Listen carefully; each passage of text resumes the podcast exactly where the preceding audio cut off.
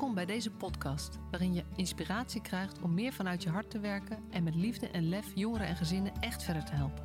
Voel je waarde, voel de passie voor je vak, voel je professional vanuit je hart.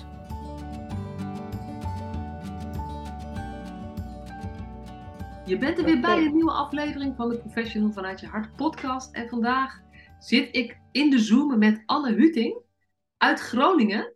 En ehm, ik ga eigenlijk aan Anne vragen om te vertellen wie, wie je eigenlijk bent waar je, eh, en wat je doet.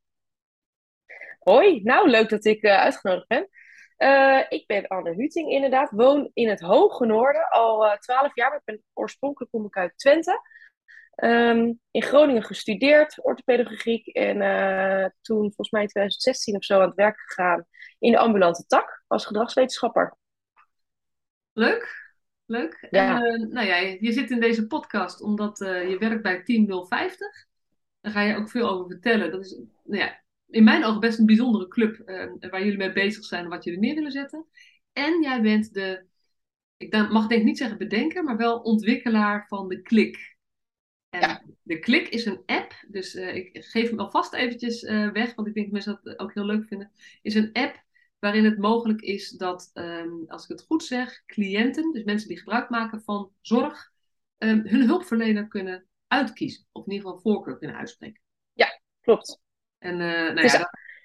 ja, duiken we straks helemaal in, maar het is inderdaad een, een webapplicatie voor uh, organisaties waarmee ze hulpverlener aan cliënt kunnen matchen. Ja. ja. ja. en dan met, met name vanuit de cliënt ook. Dat vind ik zo ontzettend leuk eraan. Het is niet alleen Ehm, dat het handig is voor de administratie dat het sneller gaat met caseload. Het gaat echt over de klik. En ja, gaan we het vast gaat echt over uh, vaardigheden en karakter aan elkaar matchen. Ja, ja dus uh, ben, ik ben zelf ook super benieuwd. Ik weet er iets van, maar niet zo heel veel. Maar uh, voordat we daarin duiken, ben jij eigenlijk zelf een professional vanuit je hart? Nou, het is wel grappig, want um, uh, uh, ik heb me vaak af... Mensen zeggen wel eens tegen mij van, wat praat je gepassioneerd? En dan denk ik, ja, gepassioneerd, is dat dan... Uh, ben, ben, ik dat dan? Wanneer ben je dat? Geen idee, maar ik geloof wel dat ik in ieder geval vanuit mijn hart dit werk doe. Want anders kan ik, word ik niet gepassioneerd genoemd. dat is dan mijn conclusie die ik dan maar trek. Oké, dus, dus anderen die zien het wel aan jou? Zo, ja. Dat is eigenlijk, je krijgt het vaak terug. En, en hoe voelt dat, dat gepassioneerde? Waar komt het vandaan? Nou ja, weet je, ik heb uh, um, voordat ik uh, orthopedagogiek ben gaan doen, heb ik een paar jaar de PABO gedaan. En toen zat, liep ik stage en toen zat ik in een klas waar nou, een aantal kinderen nou, duidelijk niet de mainstream waren. en ik vond die kinderen zoveel boeiender dan mijn werk als leerkracht. dat ik dacht, volgens mij moet ik gaan switchen naar orthopedagogiek. En toen heb ik orthopedagogiek afgerond. En wat je daarin heel sterk leert, is wat werkt in de hulpverlening. Um, en toen kwam ik in de praktijk te werken. En, en, ik werk inderdaad bij een bijzondere club. Daar gaan we straks vast meer over vertellen. Um, maar daar deed ik ook wat ik leerde. Maar ik zag dat er eh, bij andere partijen waar ik mee samenwerkte en met cliënten in gesprek was, deden andere partijen niet altijd dat wat we leerden op onze studie.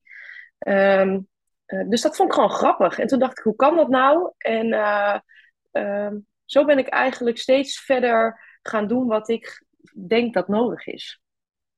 Ja, ja en dat is ook wel leuk, want er zit ook iets wat ik denk dat nodig is. Dus je, ja. je hebt ook een soort van geloof in uh, wat ja. dan goed is voor, uh, voor mensen. Ja, nou ja, kijk, we, we zijn uh, vanuit je studie leer je dat wat werkt in de, in de hulpverlening vanuit de wetenschap. Hè, en, dat, en dat kan bijvoorbeeld zijn um, cliënt moet in regie staan. Hè? Dat is één zo'n ding waar je, die, waar je altijd mee doodgegooid wordt, maar wat uit de wetenschap ook blijkt. Dat je een goede samenwerkingsrelatie moet hebben met de cliënten en dat je een goede analyse moet doen uh, voordat je start aan de hulpverlening. Dat is wat je heel duidelijk meekrijgt vanuit je opleiding. En, en, toen kwam ik bij een club terecht, Team 050, en, en zij. Um, we zitten in een ambulante tak, dus we begeleiden kinderen, jongeren en jongvolwassenen eigenlijk met diagnose, zonder diagnose, dat maakt eigenlijk allemaal niet uit. Uh, maar de kinderen die vastlopen. En dat kan in de thuissituatie zijn en in het onderwijs. Maar daar mogen cliënten en gezinnen altijd aangeven wat voor hulpverlener ze willen. En op basis van wat zij daar zeggen, moeten wij op zoek gaan naar een hulpverlener die daarbij past. Um, en zo ben ik heel sterk opgevoed, dus in, uh, bij ook mijn werkgever. Maar als ik dan bij cliënten thuis kwam, dan hoorde ik die moeder klagen over een case manager die kut, stom, ander scheldwoord gaf ze eraan, was. En dan over een voogd. En dan ging het over een behandelaar die niet, niet, niet goed aansloot of het niet begreep. Dus dat vond ik dan zo opmerkelijk. Ik denk, hé, hey, maar als je dat doorvroeg hè, bij de cliënten, van hoe zijn dan die hulpverleners bij jullie terechtgekomen? Ja, nou ja, zeggen ze dan, die zijn gewoon, ja, die, die kreeg ik gewoon aangewezen, toegewezen tot, bij mij. En dat vind dan, vond ik dan zo opvallend. Uh, vanuit daar ben ik eigenlijk ook verder gegaan met de klik en de samenwerkingsrelatie podium geven. Ja, ja, ja mooi. Ja, want um, nee, je zei al, 1050 is een bijzondere club. Dus in die zin ja. heb je is het een soort mazzel dat je daar terecht bent gekomen en zo bent, um, uh, ook opgevoed bent, zeg maar, qua werk. Ja. Uh, of, of was dat anders dan toevallig? Had je dit al gelezen, gezien en sprak het je aan? Nou, 1050 is een club waar jonge professionals, als je nog studeert, mag je daar al aan de gang. Aan de slag. Um, dat betekent dat zijn vaak studenten die HBO-WO geschoold zijn, of vaak altijd. Um, die dan een MBO-functie in de jeugdzorg uitvoeren onder supervisie van een gedragswetenschapper. Uh, en daar toen ik studeerde, ben ik daar als begeleider aan de gang gegaan. En heb ik mijn eerste ervaring eigenlijk opgedaan met jeugdhulp. en ik werd zo enthousiast van die club, omdat het, het is een hele frisse, jonge organisatie die niet bang is om buiten de kaders te denken. En gewoon dwars tegen de, tegen de stroom in op te gaan, zeg maar. Tegen de stroom in te gaan. Um, dus ik werd daar heel blij van. Dus ik ben heel bewust na mijn studie of tijdens mijn studie daar in een werkervaringsplek en daarna uh, als gedragswetenschapper aan de gang gegaan. Ja. Dus het is, het is een soort van niet toevallig, denk ik. Nee. nee. En ik vind het wel leuk wat je dan zegt van uh, het spreekt weer aan, het buiten de kaders tegen de stroom in. Ben, ben jij dat altijd al geweest? Ja, dat denk ik wel. Ja, dat denk ik wel. Uh, ik, uh, ik kom dus uit Twente. Uh, ik ging, ging, studeren en ik dacht, ik kies de stad zo ver mogelijk vandaan bij, waar ik vandaan kom, ongeveer. Dus ik ging naar Groningen. Um, ik had ook Maastricht kunnen kiezen, maar Groningen... Op zich is Groningen vanuit Twente wel de dichtstbijzijnde stad waar je pedagogiek kunt studeren, volgens mij. Nou, Nijmegen is wel wat dichterbij nog. En uh, uh, nou ja, Groningen. Ik heb dus niet in eerste instantie gedacht, ik ga naar Groningen en ik ga, ik ga pedagogiek studeren en dat doe ik in Groningen. Ik dacht, ik ga naar Groningen en dan ga ik daar kijken wat ik ga doen. Oh ja, dat was een beetje de volgorde waar het in ging. um, maar niemand ging uit huis. Ik was ook 16. Uh, en ik wel. Ik dacht, ik ga ervoor. Ik had HAVO afgerond en ik was een vroege leerling. Ik denk, ik ga mooi zo ver mogelijk weg en mijn eigen ding doen. Uh, en ook na mijn studie eh, in Groningen is vrij gebruikelijk dat je dus studeert en dat je dan uh, daar wegtrekt. En um, omdat het echt een studentenstad is, dus daarna ga je naar Amsterdam, naar Rotterdam, naar Utrecht, noem het maar. Maar ik uh, dacht, nee, ik blijf hier, want ik heb naar mijn zin. Dus ik denk wel dat ik eigenlijk altijd wel strak mijn eigen plan trek. ja, en, en mag je dat dan eigenwijs noemen? Of noem ja, je. Ja, nee hoor, dat mag je zeker koppig en eigenwijs noemen, ja zeker. Okay. En de positieve ja. kant ervan is dat je gepassioneerd bent. Als je dan ergens ja, dat denk, bent, ja. dan ga je ook door, zeg maar. Ja, ja als ik ergens voor gekozen heb, dan, uh, dan geef ik het wel ook me alles. Ja, ja. Um, ja, dus dat vind ik heel leuk. En, en uh, dat heb, doe ik dus ook in mijn werk.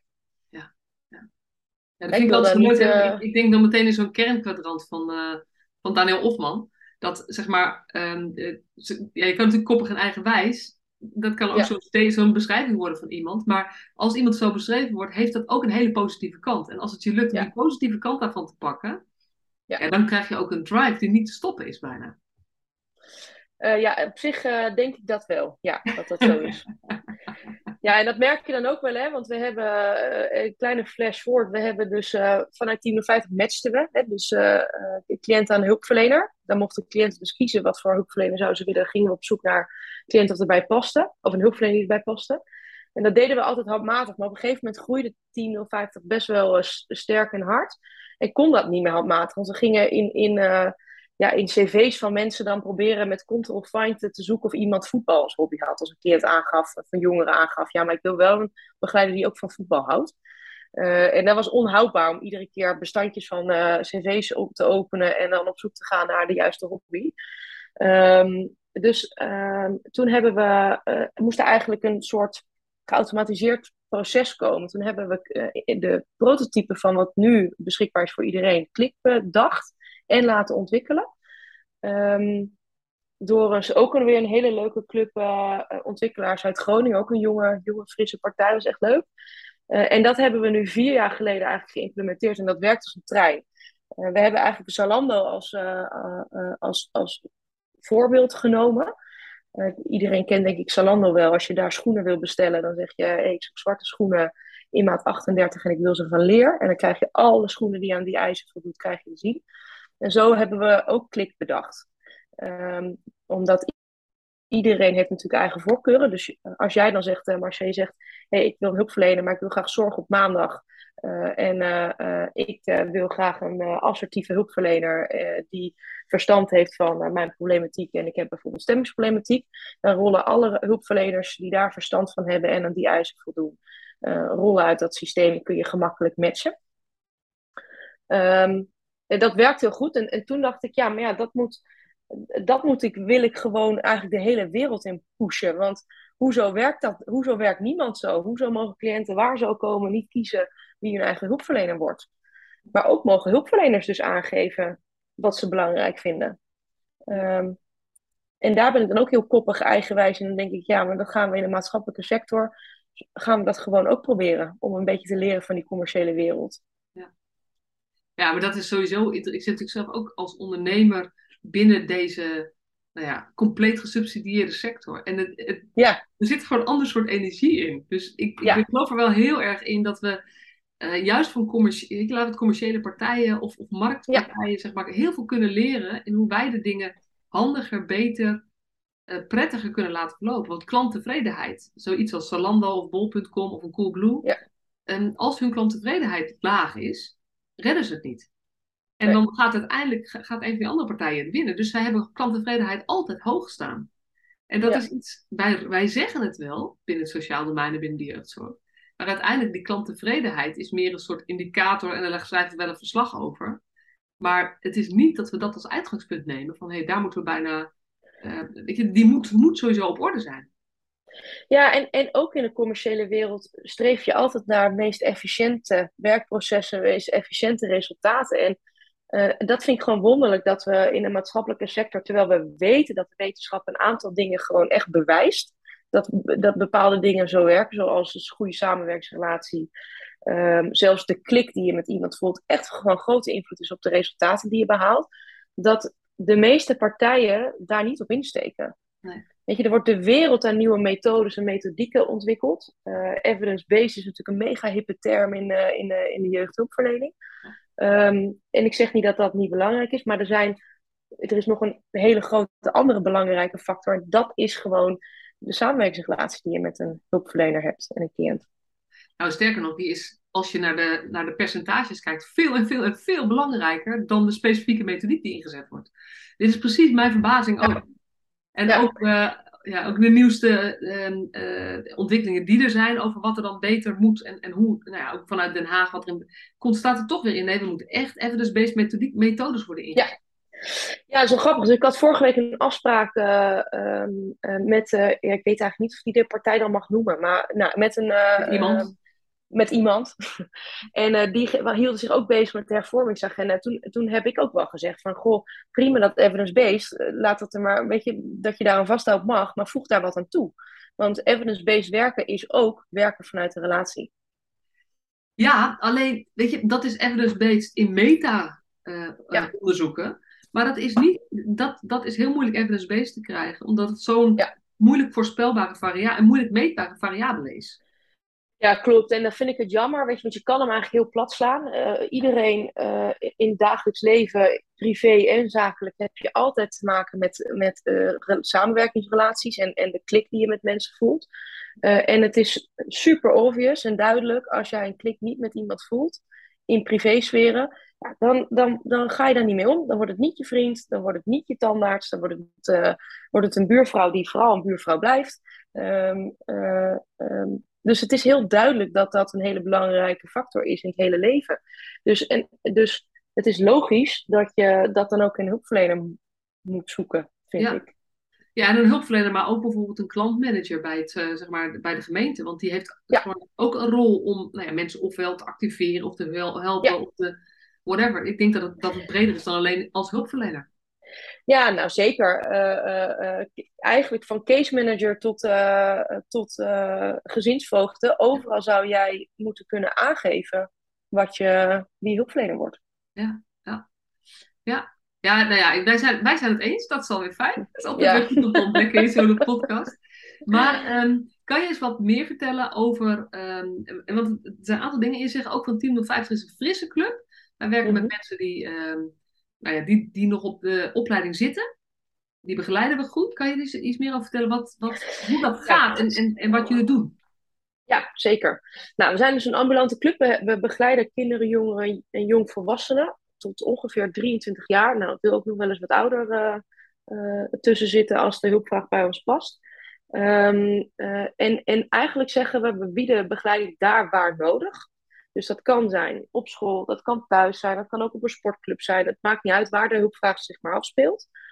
en die begeleiding wordt uitgevoerd door een jong professional die bij hem past.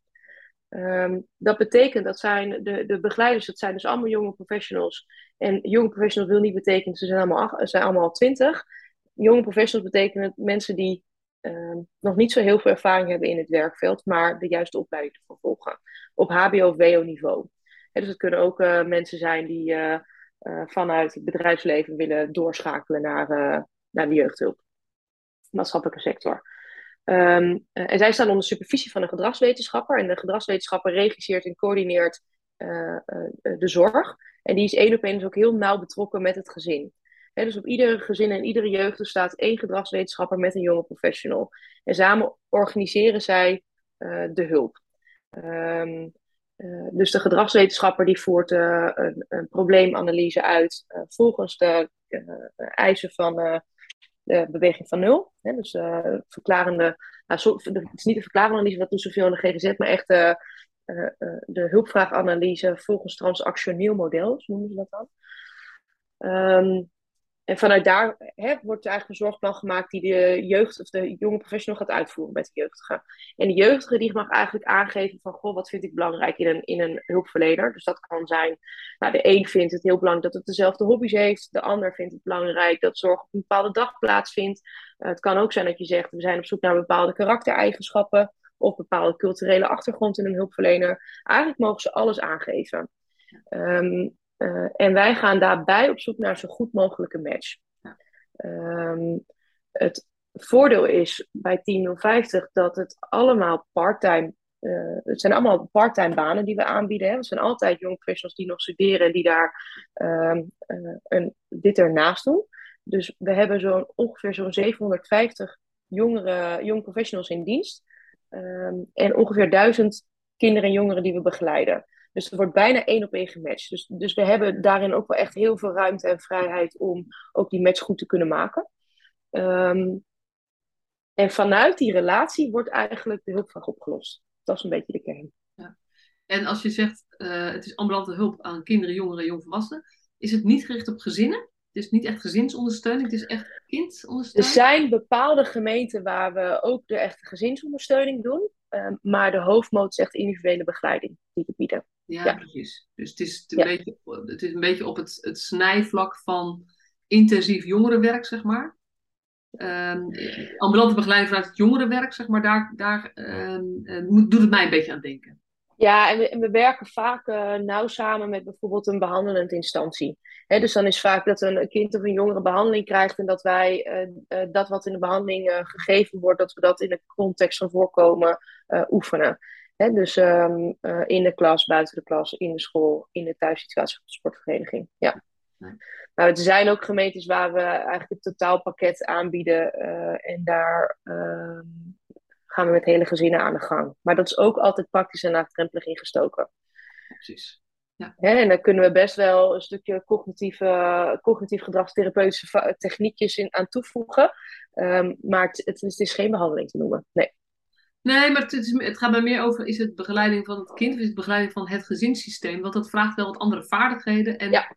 ook wat andere kennis. En heel vaak ja. ook, um, uh, nou ja, dat.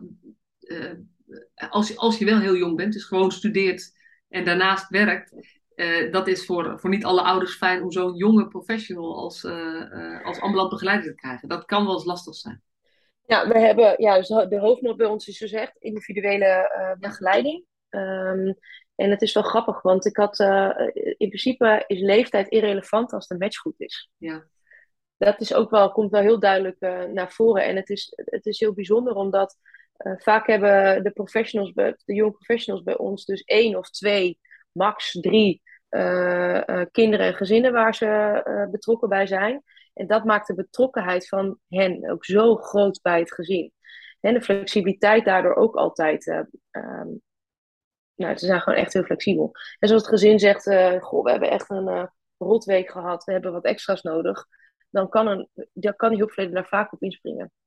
Ja, precies. Omdat ze ook, zeg maar, zij kunnen bedenken: oké, heb ik nu ruimte in mijn agenda om nu even wat extra uurtjes te pakken? Ja. Want dat komt dan straks wel weer goed. Want het is dan heel erg één op één. Er zit weinig rekening te houden met andere gezinnen of andere verplichtingen die er dan zijn. Uh, wat betreft Precies.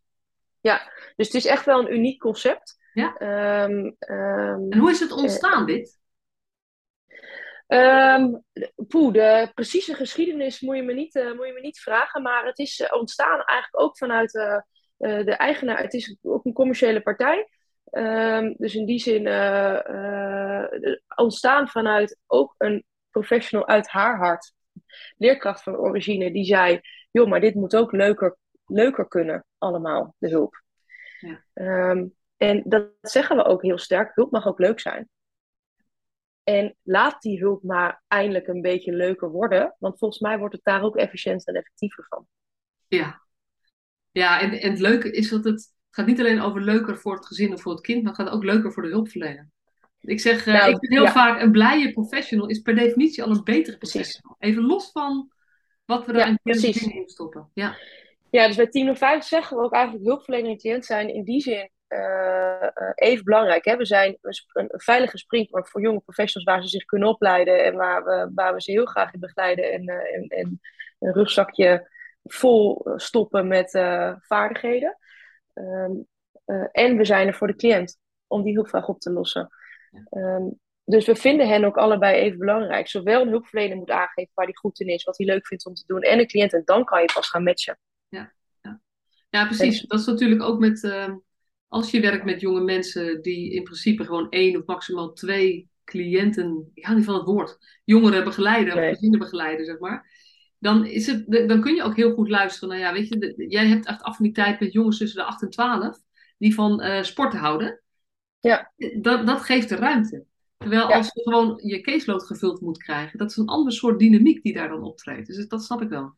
Ja, ja en maar ook, ook echt wel naar, we kijken ook echt wel naar karakter In die zin proberen dat wel complementair te matchen aan elkaar. Hè? Kijk, als je twee mensen met hetzelfde karakter tegenover elkaar zet, dan is de kans dat zij het leuk hebben met elkaar onwijs groot. Um, maar je hebt ook dezelfde blinde vlekken. Um, uh, dus we proberen daarin ook echt complementaire karakters tegenover elkaar te zetten. Hè? Zodat uh, je op bijvoorbeeld interesses heel erg matcht. Um, maar je toch elkaar uh, wat brengt wat je, wat je niet per se zo snel op in je eigen ja. setje vaardigheden en karakter. Nee, dat, dat is gewoon zo. Je, je, je kan, als mensen kan je elkaar spiegel zijn. Maar dan ja. moet je ook wel iets te spiegelen hebben of zo, zeg maar. Uh, Precies. Ja. Dat, dat, maakt ook dat het soms juist schuurt. Dus je moet wel iets anders hebben waarbij je elkaar kunt vinden. Waarbij je, zeg maar, de basis goed wordt. En dan kan je veel meer dat, dat, uh, ook de, dat spannende gesprek aangaan. Van waarin je verschilt of waarom de een bepaalde keuzes maakt en de ander het op een andere manier zou doen.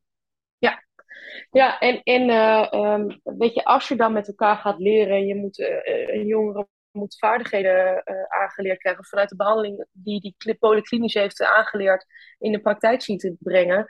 Ja, dan zijn jonge professionals bij uitstek uh, de meest creatieve denkers van uh, hoe, gaan we, hoe gaan we dit doen? Want ja. die hebben nog niet stapels protocollen en methodieken ehm, gebruikt, gehad en in, in getraind en geoefend. Dus dat zijn hele leuke situaties levert dat op. Kan je, kan je wat, wat, voor, wat even wat concreet maken? Ja, zeker. Uh, ik ben een tijd betrokken geweest bij een jongere die hield heel erg van uh, Japanse anime. En die ging ook naar Comic-Con events. Nou, ik had daar van tevoren nog nooit eerder van gehoord. Maar dan ga je uh, eigenlijk, ver, ja, misschien is het een belediging voor als je dit heel leuk vindt, maar verkleed. Als een, een soort ja, figuur uit een fantasy-serie. En vaak is dat Japanse anime, hè, serietjes. Um, uh, dus je vermomt je eigenlijk tot een heel ander karakter uit een serie of een film of een spelletje. En dan ga je met elkaar naar een conventie. En daar vind je dus, moet je dus andere mensen die dat ook leuk vinden en ook jaren besteden aan één kostuum maken, bijvoorbeeld. en die jongere die vond dat helemaal te gek en had heel erg last van stemmingsproblemen. was heel, had een heel geïsoleerd leven, stond eigenlijk ook niet open voor hulpverlening. Uh, had behandeling gehad, maar heeft het afgebroken omdat ze, nou, die dacht, ik, wil, ik vind die behandelaar stom, dat zei ze ook altijd. Dus gebruik ik een iets ander woord daarvoor, maar dat gaan we hier maar niet noemen. Toen hebben we daar een begeleider bij gezocht die ook in ieder geval geïnteresseerd was in Japanse anime-series. Um, wonder boven wonder vonden we een begeleider die ook vroeger met anime bezig was en, en comic-con kostuums maken. Uh, en die heeft eigenlijk heel erg vanuit de hobby heeft ze contact gezocht met uh, deze jongeren. Uh, en samen zijn ze in gesprek geraakt, in eerste instantie over leuke dingen, maar konden steeds beter ook praten over hey, wat gaat er nou eigenlijk in je kopje om. Um, en heeft daar zo ook weer kunnen motiveren om de juiste hulpverlening te zoeken. En dat meisje gaat nu hartstikke goed. Um, geen suïcidale gedachten meer. stemmingsprobleem eigenlijk opgelost. En dus echt heel erg vanuit die hoek ingestoken. Um, maar ook uh, jongeren uh, met uh, autisme die, die sociale vaardigheden moet oefenen. Die het bloedspannend vond om zijn verjaardag te vieren, maar heel erg into muziek en DJ's, Nederlandse DJ's was. Een, DJ, een begeleider die DJ was in zijn vrije tijd, ernaast gezet. En samen met hem DJ-vaardigheden geoefend en daarna een verjaardagsfeestje gegeven waar hij zelf plaatjes gedraaid heeft dat je op die manier toch contacten aangaan, leefwerelden vergroten en uh, problemen oplossen. Ja, en het, is, doet mij denken aan, uh, ik heb er een keertje een podcast over opgenomen, uh, haalbare doelen of droomdoelen. Dat eigenlijk die haalbare doelen, zoals we ze keurig formuleren, zodat we kunnen voldoen aan de verantwoording, totaal niet aansluiten bij wat iemand in beweging brengt. Dus wat ik hierbij hoor, niet, zeg maar, dat je inderdaad, je kan voor zo'n jongere zou je kunnen zeggen van, goh, hij breidt zijn sociale netwerk uit, hij wordt sterker in zijn sociale vaardigheden. Of het doel is, hij organiseert een verjaardagsfeestje en is daar de, uh, en is daar de DJ, bij wijze van spreken. Dat ene brengt meer beweging. En zeker als je dan uh, ook nog iemand die het zelf leuk vindt, daaraan kunt koppelen. Want dan, dan wordt het ding niet anders. Precies, ja, precies. En het is echt niet zo dat ze bij ons dus alleen maar leuke dingen doen, maar we gaan wel vanuit het leuk hebben en die relatie die je met elkaar hebt, kun je gewoon veel gemakkelijker werken aan moeilijke dingen. Ja, ja. Hè, bedoel, ja, Dit vertel ik nu in een notendop. Ik bedoel, die problematiek is allemaal hartstikke... is niet, is niet, is niet misselijk hoor. Uh, uh, het echte meisje wel met forse suicidale gedachten en af en toe plannen. Um, maar dan juist is het belangrijk om het vanuit die hoek, vinden wij, in te steken. Nou ja, en um, als we de oplossingsgerichte benadering meenemen in gedachten. Waarvan we natuurlijk ook weten dat die werkt. En wat overal in alle eh, beleidsdocumenten staat en in alle visiedocumenten. Maar als je gewoon kijkt in de praktijk, vind ik dat, dat je dat veel te weinig terugziet. Heel simpel is, als je dat, dus allerlei dingen kunt samenvatten. Maar een van de dingen is, als iets niet werkt, stop ermee. En als het wel werkt, ga, zeg maar, uh, uh, ga er vooral mee door en doe er meer van. Ja. Wat doen we toch met zulke soort jongeren die zitten in een kunnen in een behandeltraject een begeleidingstraject. En dan ben je dan een beetje met elkaar aan het zoeken. En we hebben gesprekken die dan eigenlijk onvoldoende helpen. Maar dat is wel wat er vaak, dat is vaak hetgene wat we hebben of zo. En de aanvliegroute die jullie hebben is, is wel anders. Die is veel dichter bij wat... Uh, waar leefwereld van de jongeren. Ja, de leefwereld en ook uh, de interesses van de jongeren en de, uh, waar die van aangaat. Dat gaat nog een stapje verder dan leefwereld of zo. Ja, ja. En dat betekent niet dat we elk traject op die prachtige manieren uh, uh, kunnen aanvliegen hoor. Ik bedoel, er zijn ook echt wel waar we wel met elkaar aan tafel moeten zitten en moeilijke dingen moeten doorkachelen. Um, maar daarnaast wel hup opstaan en we gaan even wat luchtigs doen en we gaan even een balletje trappen samen om, om het ook weer heel leuk te hebben. Ja, want dat is wel, als ik naar mezelf kijk, ik ben uh, natuurlijk ook hulpverlener van huis uit. Ik hou ook van die diepgang. Dus ik ben wel echt van, van altijd maar goede gesprekken. Maar ik uh, kom er tegenwoordig achter, ook in mijn relatie zeg maar, dat dat toch, nou ja, niet iedereen houdt er evenveel van. Dus ook het, de, de impact van zo'n zo'n zo'n echt gesprek, weet je, ik vind het heerlijk. Ik laat er bijna van op, ook al is het, zijn het moeilijke dingen. Maar er zijn ook echt mensen voor wie die moeilijke gesprekken, of überhaupt zulke serieuze gesprekken voor, over wat je denkt of voelt, wat gewoon uitput. En die moeten eerst weer opladen voordat ze weer, weer, weer nog een keer er iets mee kunnen. Ja. Nou ja, of uh, niet eens niet erg de vaardigheden niet hebben om dat te kunnen doen. Hè? Uh, zeker bijvoorbeeld jongeren met autisme die niet aanvoelen wat voor emoties ze ervaren of voelen. Weet je, je kan. Uh, um, je maakt een signaleringsplan en je helpt zo'n jongere hè, op een stapsgewijs ook op, op een goede manier dat leren aan te voelen. Maar je kan daarnaast ook met zo'n jongere op uitgaan. Ga maar eens doen, ga maar eens voelen. Ja. Uh, en laten we, terwijl we doen, er eens over hebben. Ja, ja en nou ja, ik zit dan even te denken, stel dat het een jongere is die, die uh, erg van gamen houdt en van Fortnite bij wijze van spreken. Dat je Fortnite gebruikt om, dit, om hier meer zicht op te krijgen. In plaats van dat we maar blijven vragen, ja, maar wat gaat er hier om? En dat doen we allemaal liefdevol en proberen we wel. Ja. Maar ik, ik denk als je naast een jongere gaat zitten en gaat, gaat samen Fortnite en dan heb je het over deze thema's. En je koppelt het aan wat er op dat moment in dat spel gebeurt. Ja. Dan denk ik dat het veel dichter bij hem of haar kan komen. Ja, ja, maar goed, dat is, dat is dus... niet per se wat jullie alleen maar doen, maar dit is wel de aanleiding van wat je en waarom je het zo doet. Dat, is, dat vind ik wel. Uh, ja. ja, dus ja, dus, dat, dus, dus het is echt wel uh, wat dat betreft een bijzondere club uh, waar ik werk. Um, um, en daarmee dus ook wel echt de drive gevonden van oké, maar ik vind het belangrijk uh, ik, snap dat, ik snap dat waar ik werk, dat, je, dat we in een unieke positie zitten, dat je 750 parttimers hebt, 1000 cliënten en dat je daardoor een match heel goed kan maken. Dat is een heel ander scenario dan de personeelstekorten die je uh, elders in onze sector vindt. Um, maar toch denk ik dat we meer vanuit die relatie kunnen werken, veel meer vanuit de klik kunnen werken. En op die manier ook de sector aantrekkelijker kunnen maken op bepaalde vlakken. Zeker bijvoorbeeld als je het hebt over jeugdbescherming, wat echt een hele pittige baan is als je nu uh, jeugdbeschermer bent. Uh, en, en eigenlijk over de jaren heen alleen maar pittiger wordt. Um, ergens moeten we ook zeggen, we gaan het weer doorbreken. Dus geef nou eens een gezin regie van oké, wat vervelend, je krijgt een voogd uh, of een gezinsvoogd. Um, maar wat voor iemand moet dat dan zijn? Want als je, als je daar bijvoorbeeld al een stukje regie neerlegt bij zo'n gezin, dan sta je in plaats van met 3-0 achter, sta je misschien nog maar met 1-0 achter. Ja. Ja, en ik denk um, zeker als het, het. Het betekent namelijk ook dat een, uh, iemand die zo'n gezin instapt.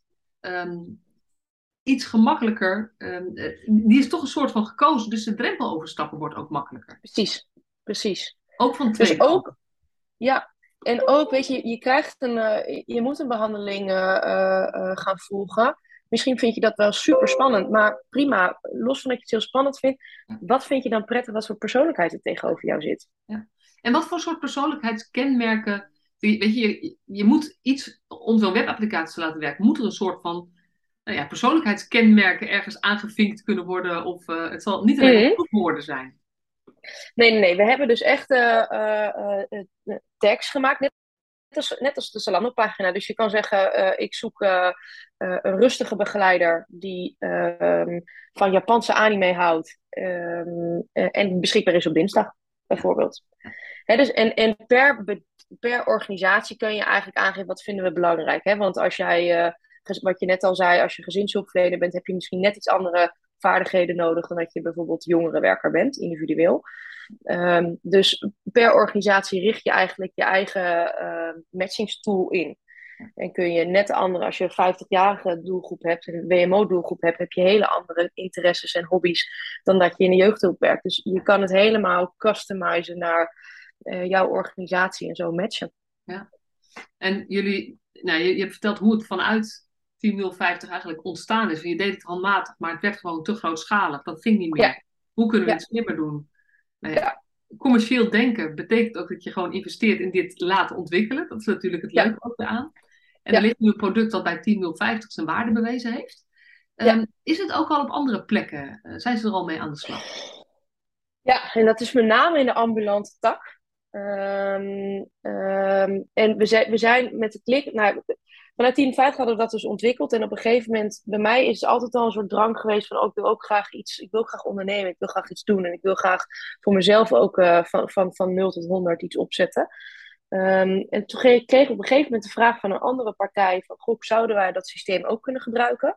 En dat ging niet, want het was helemaal gebouwd op de server van 10.050. En toen gingen we me eigenlijk wel wat aan van, goh, dit, dit, deze tool zit eigenlijk al vier jaar lang in, komt uit mijn koker. Hè, dus al vier jaar lang ben ik daarmee aan het ontwikkelen. Dit is voor mij de manier om redelijk eenvoudig met kennis die ik al bezit te gaan ondernemen. Ehm, dus toen hebben we in samenwerking met Team 050 hebben heb ik goedkeuring gekregen om dit nog een keer te mogen ontwikkelen, maar dan buiten Team 050 om. Ehm, en dat hebben we helemaal opnieuw gebouwd met de kennis die we in die vier jaar hebben opgedaan. En dat hebben we nu zijn we aan het implementeren bij andere organisaties. Maar dat doen we nu nou, nog geen jaar. Bijna een jaar zijn we daarmee gestart. En de organisaties waar we implementeren zijn voor nu voornamelijk voor ambulante clubs die al aan matching deden. Die, dus die het handmatig deden. En ik zit aan tafel met allemaal partijen die zeggen: Ja, weet je, uh, snap wat je zegt en uh, hartstikke mooi verhaal. Maar organisatorisch vraagt het best wel wat van een organisatie. Hè? Want je geeft een cliënt veel meer regie. En je zegt eigenlijk tegen een cliënt: Oké, vertel me wat je wil. En dat betekent dus ook dat als je dat niet hebt, dat je een probleem hebt. Ja. Um, wil niet zeggen dat ja, precies, een match dan, altijd want, dan, dan voer je door wat je ook... Weet je, je zou het kunnen zeggen... Nou ja, we luisteren naar je voorkeuren en we kijken of we het kunnen leveren. Maar eigenlijk zeg je, mm -hmm. gaat een stap verder. We luisteren naar je voorkeuren. En als dat is wat je wil, dan moeten wij zorgen dat we dat kunnen leveren. Ja, en, het wil niet zeggen dat het... ja. En dat wil niet zeggen dat dat altijd het geval moet zijn of dat, je, uh, uh, dat het 100% perfecte match moet zijn. Het feit dat uh, jongere gezinnen daarover mee mogen beslissen, dat doet al zoveel in, in hoe zij starten aan zo'n traject. Dus het hoeft niet altijd een perfecte match te zijn. Als we een gezin maar kan meebepalen, oké, we hebben niet 100% wat je wil, maar wel een hulpverlener die voldoet aan deze eis en een hulpverlener die voldoet aan die eis. Welke wil je dan? dus dat doet al heel veel. Maar het zegt natuurlijk wel wat. Je moet een hele andere manier van werken als organisatie gaan hanteren. Uh, het zegt ook wat over de werkcultuur die je in je organisatie hebt. Want om dat te kunnen doen, moet ook moeten ook al jouw hulpverleners kunnen aangeven. hey, wat voor interesses heb ik? Uh, wat voor karakter heb ik? Wat vind ik belangrijk? Waar wil ik graag mee werken? Dus je gaat ook in één keer aan je werkgeluk met je medewerkers ga je heel veel tornen. Um, dus en het zijn best wel grote veranderingen. Maar is het vooral een organisatorische verandering in de zin van dat processen anders lopen? Of is het vooral een cultuurverandering? Cultuur. ja, want, want ik denk dat. Ja. ja, en dat is natuurlijk best. Het is organisatorisch, is het, vind ik, uh, vanuit mijn ervaring tot nu toe, is het echt niet zo'n hele grote verandering.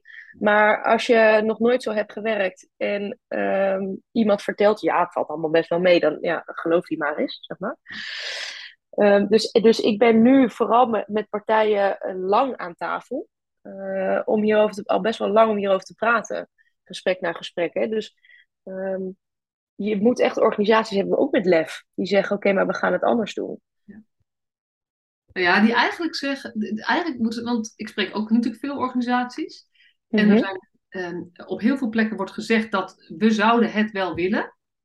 Dus het gaat, um, uh, het gaat eigenlijk over, um, en, en die ook zeggen, we zijn hier al goede stappen in aan het zetten, maar het is ook een versneller voor een ontwikkelproces, wat in heel veel organisaties ja. al wel een heel klein beetje aan het, aan het beginnen is. En, en ja. als je zoiets. Ja, en dit is best wel een grote stap. Ja. ja, en dit is best wel een grote stap. En omdat we, omdat, we die stap ook wel wat wilden verkleinen, uh, op dit moment kan, kunnen cliënten en jongeren en gezinnen niet in de app. Dus het is echt een app die bij de webapplicatie die bij de organisatie ligt. En de organisatie heeft daar regie over. Dus wat je aan de cliënten vraagt is, wat vind je belangrijk? Maar zij kunnen nog niet zelf in die webapp hun hulpverlening daadwerkelijk kiezen. Um, uh, dat is dus en om die drempel te verlagen, maar ook omdat je niet wil dat, dat zij op basis van irrelevante variabelen een hulpverlener gaan kiezen. Bijvoorbeeld, oh, die ziet er wel leuk uit. Of um, uh, nou, die houdt ook van voetbal, dus ik wil die. Het moet namelijk ook op het gebied van expertise en kennis moet matchen. Hè, dus um, nu is het een applicatie die bij organisaties ligt en als intaketeam of als aanmeldteam of ik weet niet waar de hulpvraag bij organisaties binnenkomen. Daar wordt er gevraagd wat vind je belangrijk en zo wordt het gematcht. En dat vind ik wel leuk, want um, ik had toch een iets ander beeld. Want, we hebben het wel eens over gehad, maar ik heb nog nooit doorgevraagd. Ik dacht, ik krijg toch, mm -hmm. uh, toch een podcast opnemen. Um, want de klik, uh, ik zeg altijd, het is, niet iets, het is iets, niet, niet iets 100% magisch. Het is, zeg maar, of er een klik is, heeft um, denk ik voor een heel groot deel te maken met hoe de professional qua houding en gezin instapt. En, um, uh, want ik denk als je uh, echt een open houding hebt en je bent geïnteresseerd, Weet je, als ik een buurvrouw heb die hele andere interesses heeft dan ik, maar die wel open staat voor mij, dan wordt het misschien niet mijn beste vriendin, maar dan kan het wel een hele goede buurvrouw zijn. Ja. Terwijl als Ja. het een buurvrouw is die en andere interesses heeft, maar ook nog eens gewoon nou ja, geen boe of bas zegt als ik het tegenkom, ja, dan wordt de kans wel heel klein dat het een goede buurvrouw wordt, zeg maar. Dan, dus dat is het ene stukje. En het tweede stukje, dat, dat is waar jullie op richten, is ja, en, en bovendien zijn er een aantal variabelen heel relevant die het gemakkelijker maken om ehm, Ja. die klik te laten ontstaan. Ja. Maar het is niet magisch. Nee, nee. En waar we, waar je, waar we ook, wat, je, wat we ook niet moeten vergeten, er zijn ook heel veel gezinnen die zeggen, ja, maar ik wil echt niet hier zo'n tutje hebben over de vloer. Of eh, ehm, we hebben ook wel eens een gezin die gezegd heeft van, nou, als van alles prima, maar het moet maar niet zo iemand zijn die met zo'n witte blouse aankomt. Eh, weet je, dus er zijn ook mensen die wel dat soort variabelen heel belangrijk vinden. Ehm, eh, en, en biologisch gezien gebeurt er ook wat in, in, een, in een eerste ontmoeting. Ehm, daar ben ik dus zelf nu ook wel veel over aan het lezen, hoe dat wetenschappelijk gezien allemaal zit. Eh, want biologisch wordt er ook, maak, jij, maak jouw lijf, maak jouw hersenen binnen twee seconden eigenlijk ook een inschatting van eh, hoe betrouwbaar is degene die tegenover mij zit. Hè, dat maak je zelf ook als je bijvoorbeeld s'avonds in het donker in het park loopt en, en eh, je bent alleen en er komt iemand op je af. Dan maak je ook eigenlijk een inschatting van, eh, is dit een veilige situatie voor mij? Of is het een veilig persoon voor mij? En dat, is, dat zit in de stand van de wenkbrauwen. Dat zit in hoe de jukbeenderen staan. Ehm, eh, dat, dat, heeft, dat heeft een aantal aspecten. Ik ken niet volledig, het biologische proces. Maar er er zitten een aantal aspecten waar je, waarbij je onbewust eigenlijk bepaalt of je iemand betrouwbaar vindt of niet. Ehm, en dat biologisch proces kan je alleen maar, het kun je wel beïnvloeden, maar dat moet je dus aan de voorkant, voordat je iemand ontmoet hebt, moet je dat proces al beïnvloeden. Dus als je dan al weet, ik heb mee mogen beslissen over wie mijn hulpverlener wordt. Ik heb, ehm, eh, ik weet dat hij dezelfde interesses als, eh, heeft als dat ik heb. En zo zijn er een aantal andere variabelen die overeenkomstig zijn met wat ik belangrijk vind. Dan beïnvloed je dat, be- be- dat proces van beoordelen. Ehm, Dan, heb je meer, krijg, dan krijg je automatisch meer kans op een positieve beoordeling. Exact, ja. Ja. Terwijl als je iemand er koud naartoe stuurt en je weet helemaal niets over die hulpverlener en je trekt de voordeur open en daar staat dan iemand die een totaal ander type is als dat jij bent, dan heb, is de kans dat diegene de eerste indruk denkt, nou dat vind ik niks hoor, die is A veel groter, maar als jouw brein eenmaal bepaald heeft, dit vind ik niks, dan kom je daar eigenlijk niet meer van terug. Eh, dan moet je, kan wel, maar dan moet je zoveel moeite doen, dat gaat eigenlijk ten koste van de doelen die je daadwerkelijk hebt samen. Ehm, dus dat zou betekenen dat dan het eerste doel wat je, moet op, wat je op zou moeten stellen zou zijn: hey, we gaan onze eh, indruk van elkaar herstellen. En daar gaat het niet over. Je wil efficiënte hulpverlening. We willen binnenkomen, we willen aan de slag met de doelen die je hebt. En we willen over een x aantal weken of maanden willen we daarmee klaar zijn. Ja, en ik vind het super mooi, want jij hebt het heel erg over de, over de, de, de cliëntkant, zeg maar. Maar ik denk, dit is ook precies het werk voor de hulpverleners. Het, is, het werkt twee kanten op. Ja. Het is echt, eh, een samenwerkingsrelatie is nooit eenzijdig. Een hulpverlener staat er ook als mens met alle normen, waarden, bevooroor- vooroordelen en eh, beoordelingen die je met je meebrengt, bewust en onbewust. Ja. Dus, dus daarom, eh, we hebben, ik heb het nu voornamelijk over de cliëntkant, omdat die kant eigenlijk heel veel on- onderbelicht is. En bij de meeste organisaties, of nou, ik weet niet de meeste, veel organisaties hebben al wel aan de hulpverlenerskant dat hulpverleners zelf mogen bepalen of een beetje invloed hebben op wat vind ik leuk om mee te werken, welke doelgroep vind ik belangrijk of eh, prettig om mee te werken. Maar je hebt ze dus eigenlijk allebei nodig. En dat laat ook het laatste wetenschappelijk onderzoek zien. Dat is afgelopen jaar uitgekomen van Patty van Bentham. Eh, en die laat eigenlijk zien, je hebt van beide, beide, zowel hulpverlener als cliënt, moeten een klik voelen. En als zij beide een klik voelen, dan is het slagingspercentage van het traject 70%. Als je beide die klik niet voelt, is dat maar 23%. Ja. Dat is gigantisch. Ja, het is, is heel grappig, want ehm, eh, als ik ergens, als ik heel kort mijn boodschap samenvat, dat ik maak met liefde en lef het verschil in de jeugdhulp. En dat Ja. liefde bedoel ik dit eigenlijk mee. En ik zeg altijd, we moeten gewoon ietsje meer houden van onze cliënten. Als je een klein beetje Ja. van ze houdt, dat helpt gewoon. En ik, ik ben dan niet zo dat ik het, ik vind het heel leuk om te horen dat jij er alles weer gaat opzoeken. Dat doe ik dus gewoon niet. ik voel gewoon dat het klopt of zo. Dan ga ik, ja, dat, dan, nou ja, blijkbaar zit, ik, ik zal het niet altijd goed hebben, maar dit bevestigt wel even, ja, maar hier zit het dus in. Voor mij zit het erin. Je moet je bewuster zijn, kun je nog een beetje van deze cliënt houden. Als je niet zo'n een klein beetje van hem houdt, op een bepaalde manier, kan je hem niet helpen. Dan ben jij niet nee, en... de hulpverlener daarvoor. Dus of dan moet je zeggen, weet je, deze cliënt is niet voor mij. Of je moet jezelf aanpakken om te kijken, waar gaat dit mis en hoe kan ik mijn hart openstellen. En dat betekent niet dat je heel je ziel en zaligheid met de cliënt gaat delen. Of dat je verliefd op heel haar moet worden, helemaal niet. Nee. Maar dit gevoel moet wel ergens een beetje zitten. Je moet hem leuk vinden. Nee, precies. En, en daarna, als je diegene leuk vindt en jij staat als, als jezelf en als mens met alles wat wie jij zelf bent als mens in die relatie. Daarna is die relatie dus nog wel eenzijdig. Bedoel, uh, het gaat over de cliënt, het gaat niet over jou als hulpverlener in die relatie. Maar ehm, toch werkt die relatie, ondanks dat je het niet over jou hebt, doe, doe jij als mens wel heel erg mee in die relatie. Ja. ja. Ja, en dit is, nou ja, dat, daar begon natuurlijk het gesprek een beetje mee. Het is ook mijn verbazing dat, mhm. hoewel we weten uit wetenschappelijk, meta-wetenschappelijk onderzoek, en ieder onderzoek wijst er weer uit, uh, 40, 50, 60, 70 procent van, van soms 80 procent van de kwaliteit van de werkrelatie is de voorspeller voor het resultaat van de hulp. Ja. En dit komt zo weinig naar voren overal. Dus ik, ben, uh, ja. ik vind het heel, heel mooi om er nu ook weer wat dieper op in te gaan. En ik vind het ook heel leuk dat jij er allemaal weet wat er allemaal ook alweer bekend is. Dat weet ik dan weer niet. En niet alles, hè. Ook je bescheidenheid er weer door. Maar wel meer dan ik in ieder geval. Ja, en in die zin, um, uh, dan ben ik ook wel. Uh, ik wil het dan ook wel factchecken, weet je wel. Is dat gevoel wat ik heb, klopt dat dan? En als ik dan lawaai daarover ga maken dat dat meer aan bod moet komen, voel ik gewoon heel duidelijk van: oké, dan wil ik wel even gecheckt hebben of het oké is. Ja. Um, um, en dat is nu eigenlijk het doel wat ik, wat ik voor mezelf heb gesteld. Weet je, het zou heel mooi zijn als mensen uh, mijn eh, app gaan gebruiken in een organisatie. Helemaal te gek. Maar uh, het gaat eigenlijk meer voor mij ook over lawaai maken dat dit een podium moet gaan krijgen.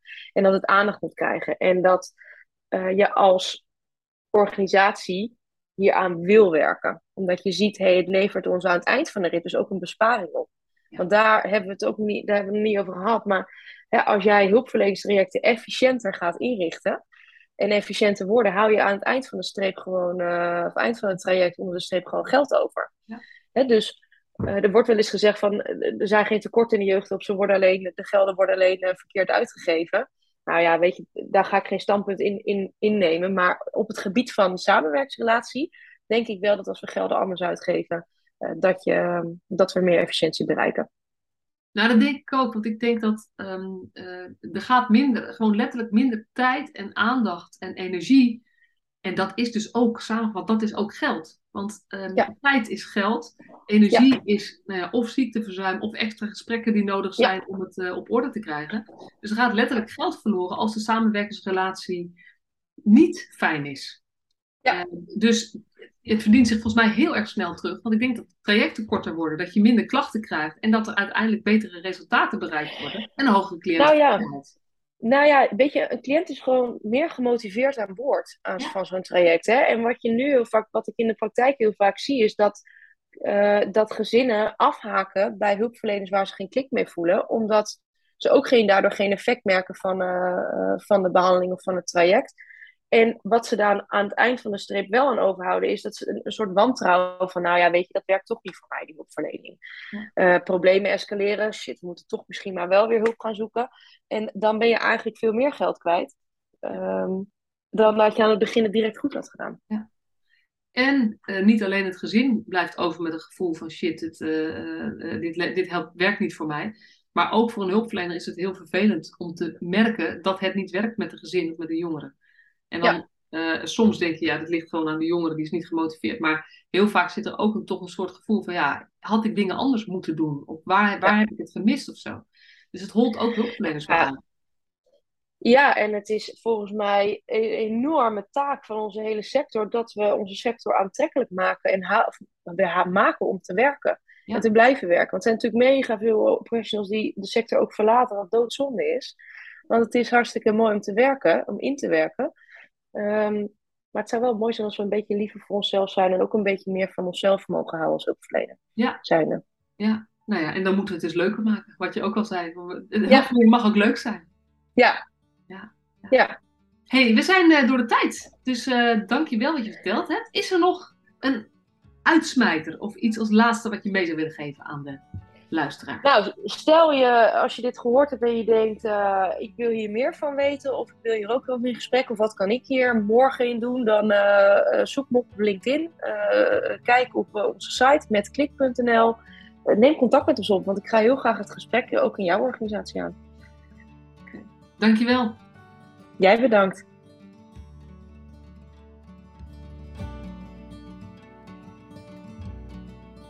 Superleuk dat je weer luisterde naar deze podcast. Dankjewel. Nog even kort een paar belangrijke dingen. Ten eerste, het is mijn missie dat de jeugdhulp weer een sector wordt waarin bevlogen, liefdevolle professionals jongeren en gezinnen echt verder helpen. Daarom maak ik deze podcast voor jou. Wil jij deel uitmaken van deze beweging van Professional vanuit je hart waarin professionals elkaar steeds opnieuw inspireren? Begin dan met het lezen van mijn boek. Je kunt de eerste hoofdstukken helemaal gratis lezen. Ga naar professionalvanuitjehart.nl/slash boek. Ten tweede, wil je alle podcastafleveringen overzichtelijk onder elkaar? Abonneer je dan op deze podcast. Klik in je podcast-app op de button subscribe of abonneren. En elke keer als er een nieuwe podcastaflevering gepubliceerd wordt, ontvang je automatisch een berichtje. Ten derde, Ondersteun je mijn missie? Geef me dan een review via je podcast-app, bijvoorbeeld iTunes of Spotify. Op die manier kan ik nog meer professionals bereiken. En ken je een collega voor wie deze podcast ook interessant is? Dan zou het super zijn als je hem of haar de podcastaflevering doorstuurt. Bijvoorbeeld door de link te kopiëren via Spotify. Ik vind het altijd heel leuk om berichtjes te ontvangen van luisteraars om te horen wat je van een podcast vindt of als je misschien vragen of suggesties hebt of als een aflevering je een bepaald inzicht heeft gegeven of er iets in beweging is gekomen. Stuur me dan even een berichtje op masha.professionalvanuitjehart.nl via de website of stuur me een connectieverzoek op LinkedIn.